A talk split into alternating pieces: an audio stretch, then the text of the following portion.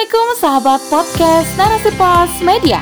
Berjumpa udara bersama saya Dewi Nasjak dalam rubrik Family. Kali ini dengan judul Ada Surga di Rumah Kita oleh Atin. Kasih ibu kepada beta Tak terhingga sepanjang masa hanya memberi, tak harap kembali. Bagai sang surya menyinari dunia. Yap, siapa saja yang mendengar lagu di atas pasti sepakat. Betapa besar kasih sayang orang tua, terutama kasih sayang ibu kepada anaknya.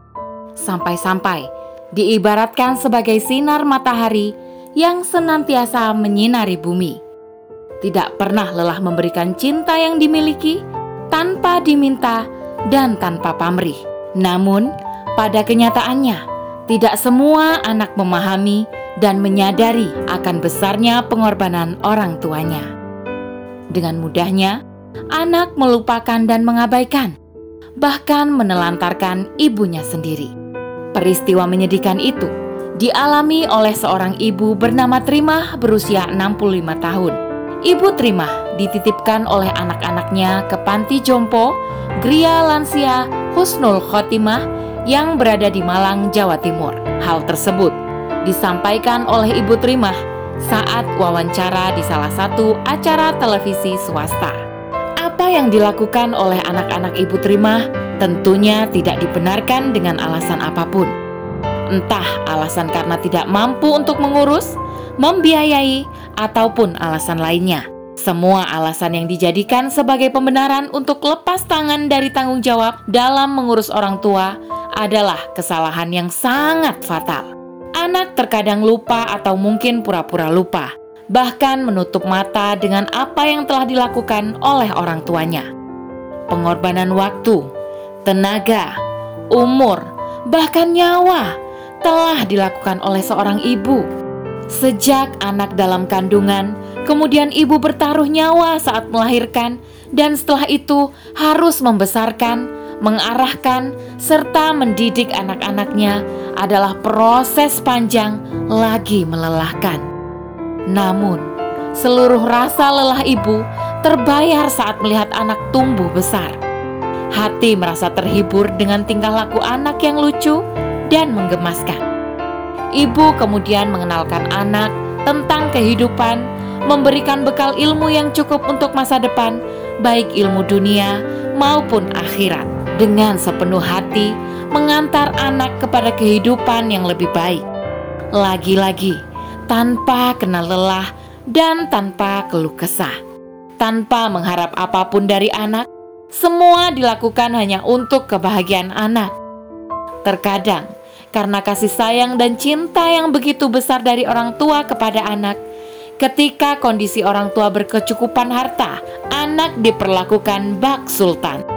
Akan tetapi, ketika anak yang hidup berkecukupan, orang tua diperlakukan seperti pembantu atau bawahan.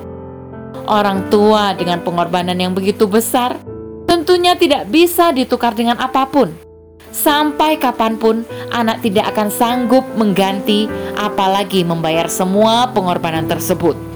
Apa pun yang pernah orang tua lakukan di masa lalu yang mungkin menyakitkan bagi anak juga bukan alasan untuk meninggalkan kewajibannya berbakti kepada kedua orang tua. Anak tetap harus berlaku hormat dan berbuat baik kepada keduanya. Ketidakmampuan anak dalam mengurus orang tua yang telah lanjut selalu terbentur masalah ekonomi. Hal tersebut diakibatkan oleh keadaan yang belum stabil karena adanya pandemi COVID-19. Susahnya memenuhi kebutuhan dan mahalnya biaya hidup membuat anak harus mencari cara agar tetap bisa bertahan di tengah himpitan kesulitan. Apalagi hidup di kota besar, semuanya dinilai dengan uang, ditambah dengan kewajiban untuk mengurus orang tua juga membutuhkan biaya yang tidak sedikit. Kondisi demikian memang tidak mengherankan di negeri yang masih menerapkan sistem kufur, sistem buatan manusia yang lebih mementingkan urusan pribadi. Manusia disibukkan dengan mencari materi sebanyak-banyaknya, memenuhi kebutuhan hidup hanya untuk kesejahteraan keluarga, terutama anak dan istri. Belum lagi dengan semakin banyaknya kebutuhan hidup anak yang harus dipikirkan terkait pendidikan, kesehatan, dan lain sebagainya. Semuanya semakin menambah beban permasalahan di dalam keluarga. Tentu, hal itu menjadi beban yang juga dirasakan oleh seluruh lapisan masyarakat. Sistem kufur ini pun menjadikan negara yang berfungsi sebagai pengurus masyarakat ikut-ikutan lepas tangan dari tanggung jawab dalam memenuhi kebutuhan rakyatnya. Akhirnya, kebutuhan hidup rakyat harus bisa dipenuhi sendiri. Kebutuhan keluarga semakin banyak dan biaya hidup juga semakin membengkak. Semua itu sering kali menjadikan manusia lupa bahwa ada kewajiban lain yang juga tidak kalah penting Kewajiban tersebut adalah birul walidain, yakni berbakti kepada kedua orang tua saat mereka masih ada bersama kita dan dalam pengurusan kita sebagai anaknya. Kewajiban mengurus orang tua dalam sistem kufur juga nyaris terlupa, bahkan tidak ada sama sekali. Penyebabnya adalah karena orang tua tidak lagi produktif, sudah tidak lagi mampu mencari uang, dan justru menjadi beban bagi anak.